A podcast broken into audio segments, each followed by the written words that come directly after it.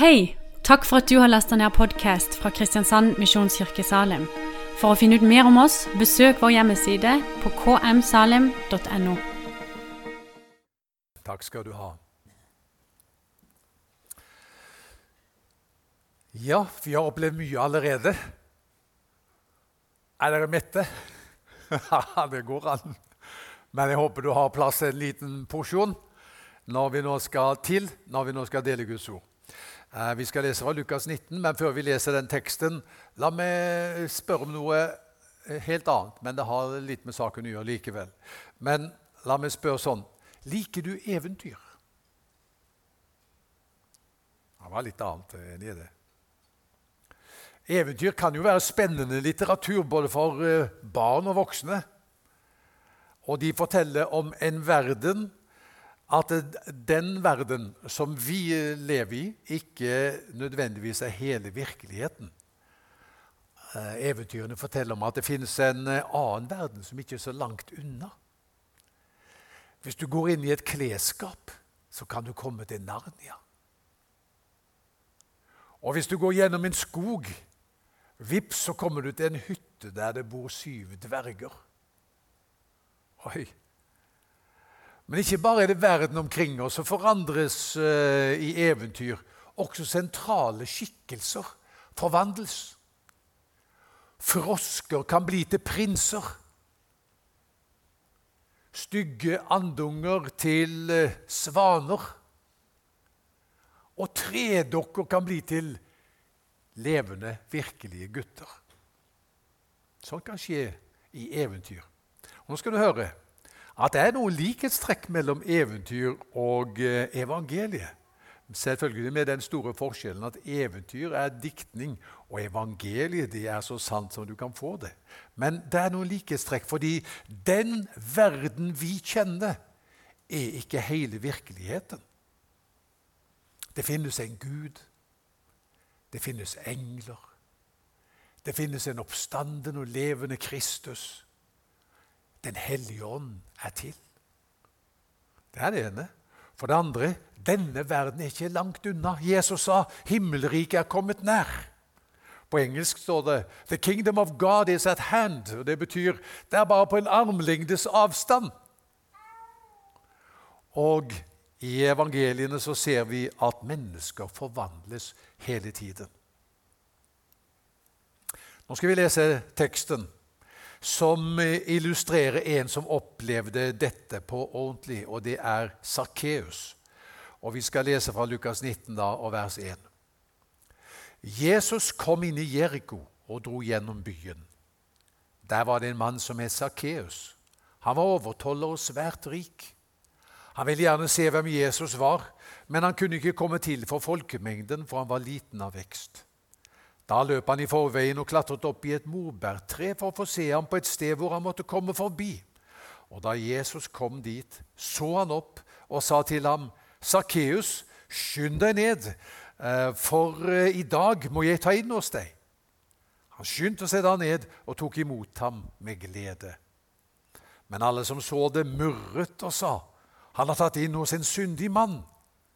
Men Sakkeus sto fram og sa til Herren, Herre, halvparten av alt jeg eier, gir jeg til de fattige, og har jeg presset penger av noen, skal de få firedobbelt igjen. Da sa Jesus til ham, I dag er frelse kommet til dette huset, for også han er en Abrahams sønn. For menneskesønnen er kommet for å lete etter de bortkomne og berge dem. Amen. En kort bønn. Herre, takk for ordet ditt. Takk at uh, du taler gjennom ordet ditt, og vi ber at vi skal få erfare at det gjør sin gjerning også i vår liv. Amen. Det finnes jo fire evangelier i Det nye testamentet. Matteus, Markus, Lukas og Johannes. Hvis Sakkeus hadde fått lov å skrive et evangelium, så vi hadde et femte, liksom Sakkeus evangelium, så jeg er ganske sikker på at eh, det ville ha tre momenter i alle fall. For det første han vil fortelle om at Jesus så meg. For det andre Jesus inviterte seg sjøl hjem til meg. Og for det tredje Jesus forandra livet mitt. Så la oss se på det da i tur og orden. For det første Jesus så Sakkeus. Vi leste i vers 5. Og da Jesus kom dit, så han opp, altså til morbærtreet der Sakkeus hadde klatret opp. Så så han opp og sa til ham, Sakkeus, skynd deg å komme ned, for i dag må jeg ta inn hos deg. Hvis det er en beretning vi kjenner godt, de aller, aller fleste av oss, sikkert fra vi var ganske små fra søndagsskolen, så er det jo nettopp denne fortellingen om Sakkeus. Og en av de første sangene som jeg lærte, det var jo nettopp denne sangen om Sakkeus. Husker du den, eller har du glemt den? Den som går sånn, vet du. Sakkeus var en liten mann, en bitte, bitte liten mann.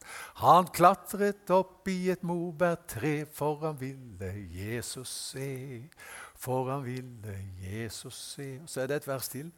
Og Jesus vandret der omkring, han stanset opp og sa, Sakkeus, skynd deg ned. For i dag vil jeg gjeste ditt hus, for i dag vil jeg gjeste ditt hus. Jeg kan huske da jeg var seks år eller syv år. Det kuleste avsnittet i den sangen det var da vi kom til det der snakkepartiet. Det, da la jeg hele sjela mi i det. Sakkeus, skynd deg ned! Ja, sånn er det. Og nå fikk vi synge den. Det var lenge siden jeg hadde sunget den sangen. Det vil si ikke så lenge siden. Vi sang den i går, Rebekka. Gjorde vi ikke det? Men før det. Så denne Sakkeus det, det, tegnes jo et bilde der også gjennom den sangen og sikkert taler og andakter vi har hørt, at dette er jo en koselig kar. da. Han er liten og vekst, og det er litt synd på han. Kanskje blir han mobbet da han var liten, og, og egentlig er han ganske jovial.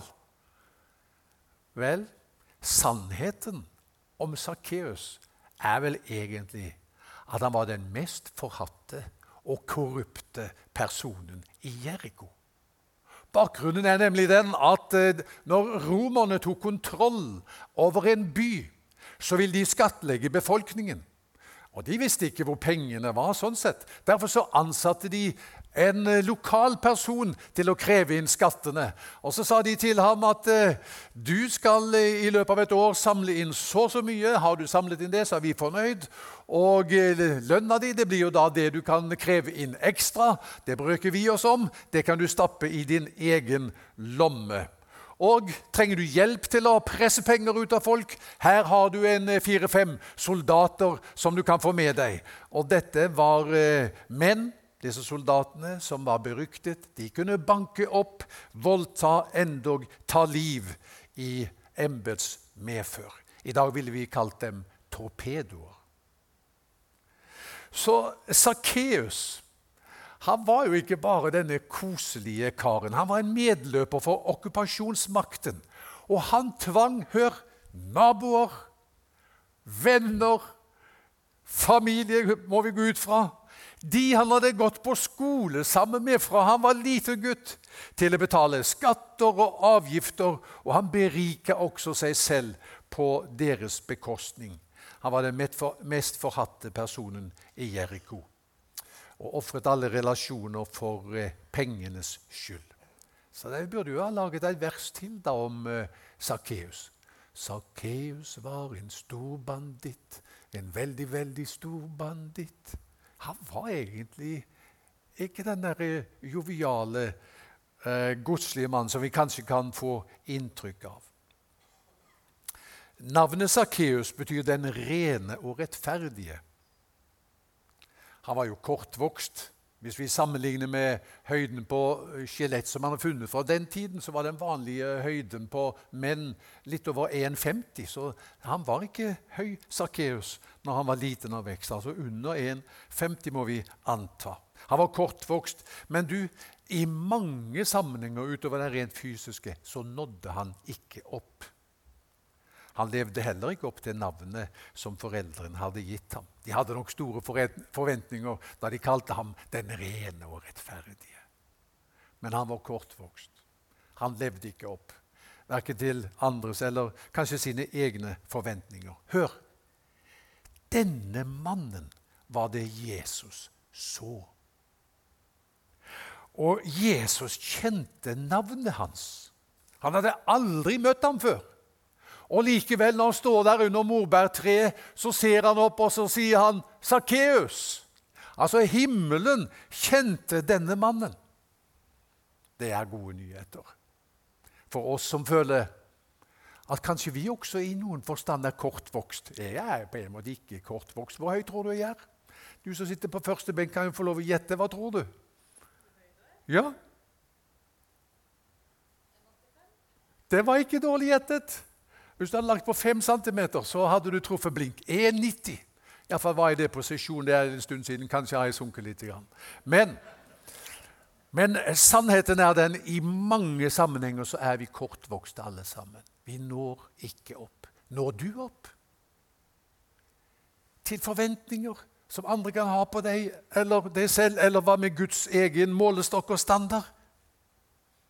Skal du høre. Eh, Jeriko det kalles i Bibelen for Palmebyen. og Den byen var virkelig kjent for sine mange og vakre palmer. og Det, det var en hovedrute dette her for handelsmenn. og Vi kan anta fra øst til vest og vi kan anta at uh, her var det en hovedgate som nok var prydet av palmer. og Det var en flott allé. og Det var uh, også andre trær der som gjorde at det var en vakker duft. Men morbærtre dette simple treet i hovedgata? Antagelig ikke. En forkynner som jeg hørte, han sa morbærtreet fant du nok i en av sidegatene.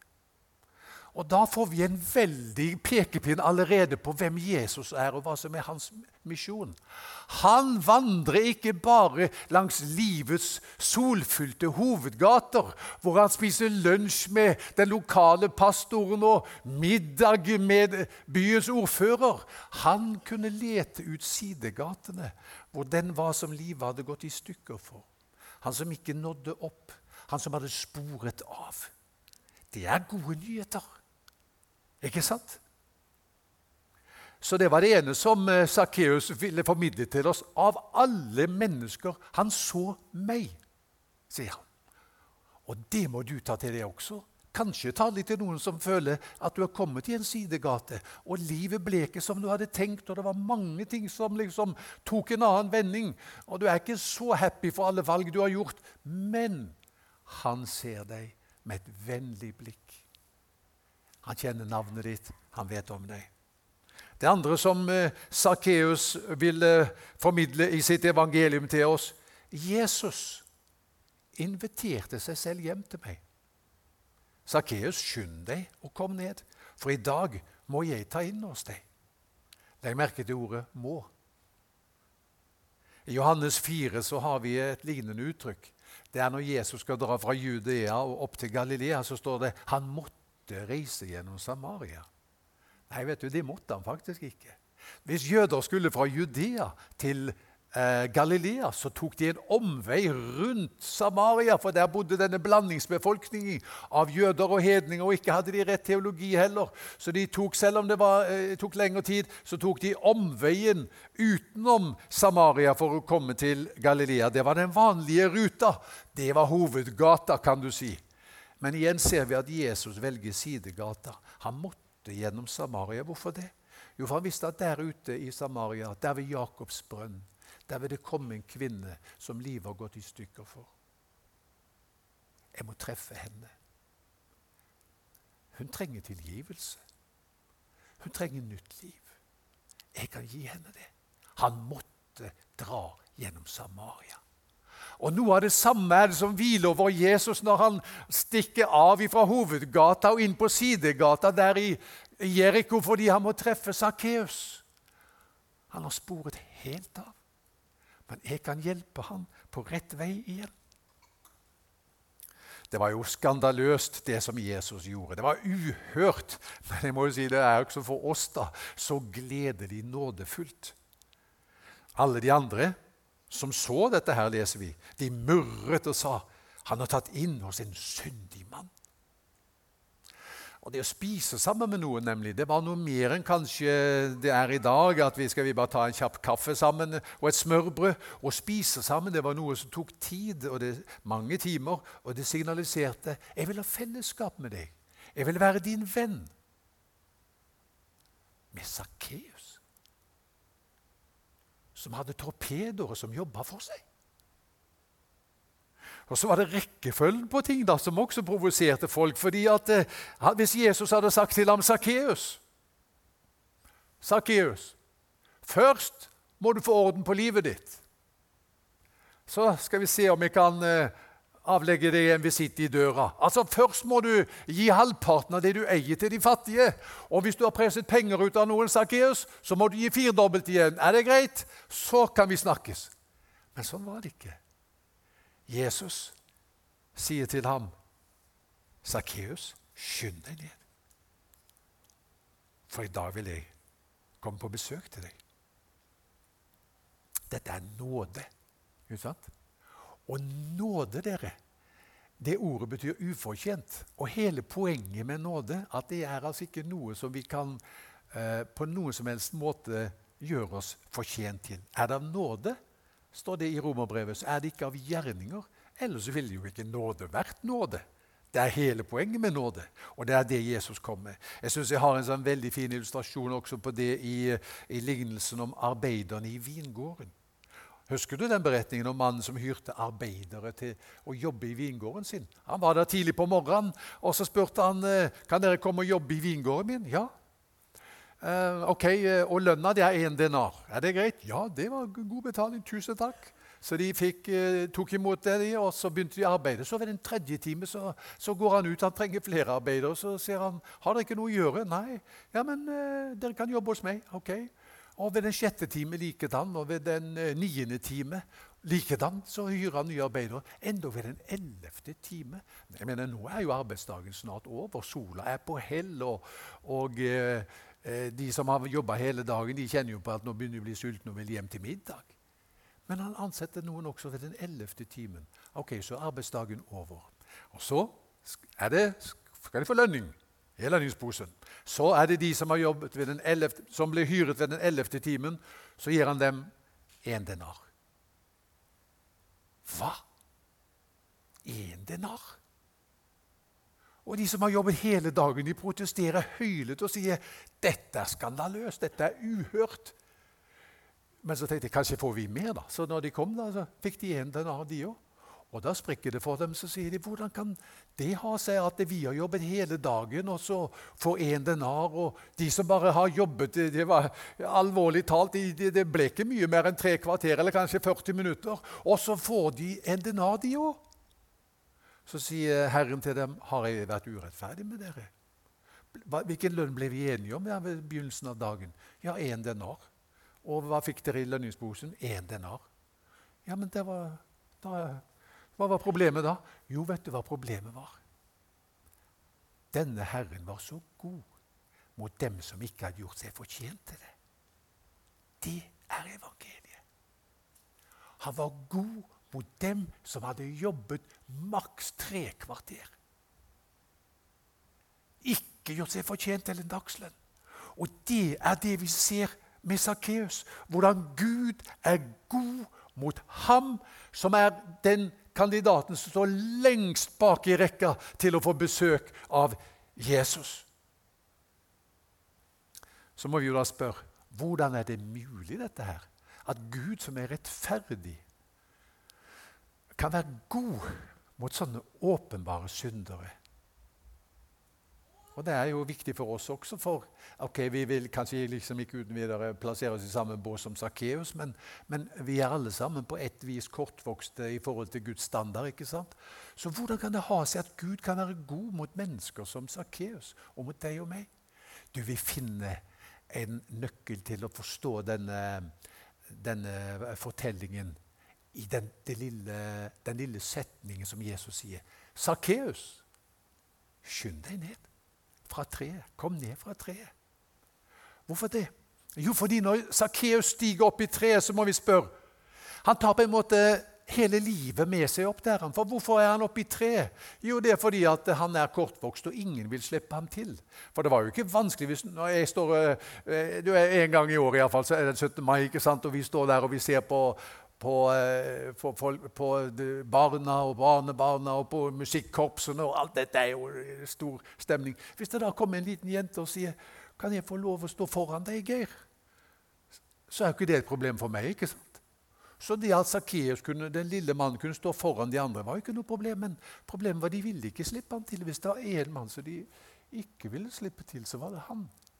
Så når Sakkeus er oppe i treet, så er det et uttrykk for han har med seg en bagasje, et liv. Han er forhatt. Ja, hvorfor er han forhatt?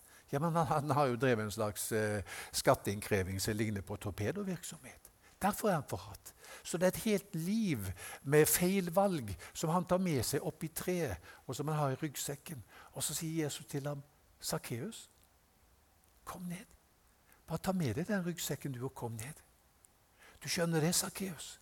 Nå er jeg på vei opp til Jerusalem, og der skal jeg stige opp på et tre. Korstreet. Der skal jeg dø for deg, Sakkeus. Og de, dine feiltrinn og dårlige valg og dine synder, de skal jeg dø for der. Og så vet du, Det, det er jo ingen som krever at en regning skal betales to ganger. Så når jeg har betalt regningen for deg der på korset, Sakkeus, så kan du bare komme og spise sammen med meg. du.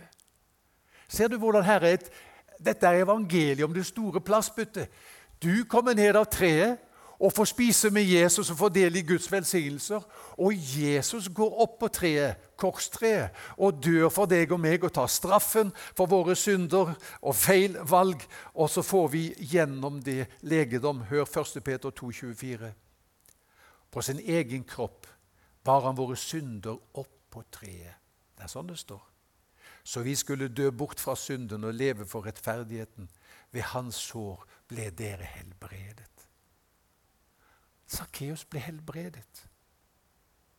Kritikken og fordømmelsen helbredet ham ikke, men møtet med den betingelsesløse nåden helbredet ham. Og Derfor, og det er punkt tre, eh, så er det siste momentet i Sakkeus sitt evangelium. Jesus forandra livet mitt. Pengene hadde jo hatt et voldsomt grep om ham. Han hadde jo ofra alt av relasjoner ikke sant, for å bli rik. Pengene hadde hatt et voldsomt grep. Nå mista de sitt grep. En avgud eh, i livet hans var detronisert. Og han sier, 'Herre' ikke som en, og Dette var ikke som en betingelse for å bli frelst, men det var frukten av det.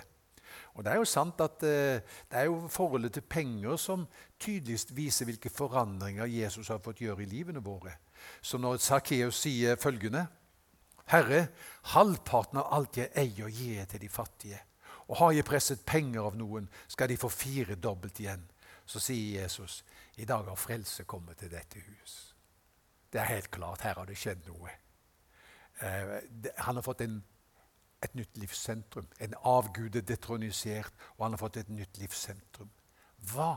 Hvem er den nye Gud i livet hans? Den heter ikke Mammon. Den nye Gud i livet hans heter Jesus Kristus. Og eh, Dostojevskij, han sa om Jesus, denne russiske dikteren, vet du Og eh, Sakkeus kunne sagt akkurat det samme. Hør på dette sitatet av Dostojevskij. Min trosbekjennelse er enkel. Jeg tror at det ikke finnes noe vakrere, dypere, mer tiltrekkende, mer rasjonelt mer mannlig og mer fullkomment enn Kristus. Og jeg er overbevist om at ikke bare er ingenting som ham, men ingenting kan være som ham. Ja, hvis man beviste for meg at Kristus ikke var sannheten, at sannheten virkelig var et annet sted enn Kristus, så ville jeg foretrekke å bli hos Kristus og ikke med sannheten. Wow! det er, det er kraftig kost.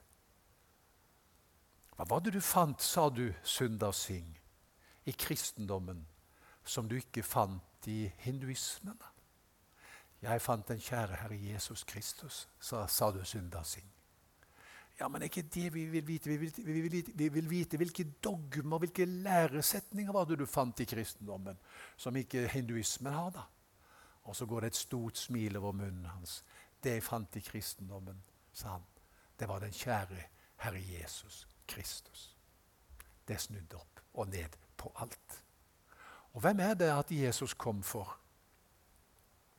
Han kom for Sakkeus den kortvokste.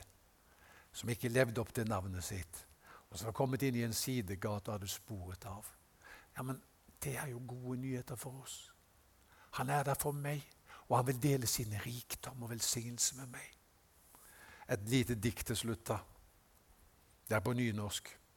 Jeg syns nynorsk er fint. Jeg vet ikke om du får tak i det, men nå skal vi se. Jeg er ikke så god å lese dikt heller, så det er jo en annen sak. Her er en beskjed til han som ikke slapp fram for presten. Han som læreren mislikte, og som skrev totall i hele første klasse. Han som fikk halvt lott, for han var så svak på busset. Ja, du vet, du vet hvem jeg mener. Han som snorka i kyrkja i konfirmasjonen, vet du. Han som aldri torde å gå inn på bedehuset. Og utenfor ungdomshuset, der sto han og spydde. Han kunne hele katekisma, men han brukte den bare når han banna. Jeg har en beskjed til han. Han ble invitert til Babettes gjestebud. Forstår du det? Kjenner du Babettes gjestebud? Karen Bliksen sin novelle om hun som flyttet opp til Berlevåg. Og det var så fattig, og så arvet hun noen penger, og så laget hun et gedigent gjestebud for lokalbefolkningen. Høy og lav. Du er invitert til Babettes gjestebud. Hva, hva vil du svare?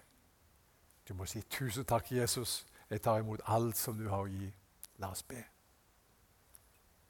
Herre, vi priser deg fordi at fortellingen om Sakkeus er sånn en fantastisk fortelling om at du ser den ene.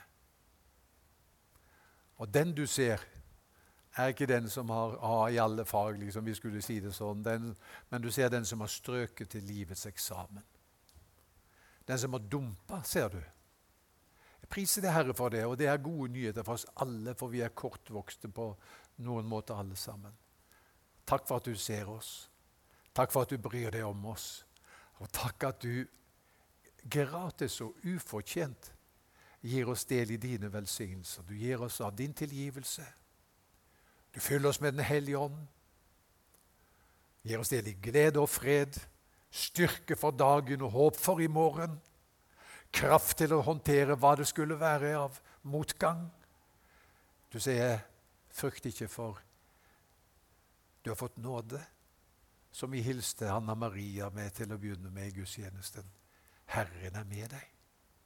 Vi priser deg for det. Amen.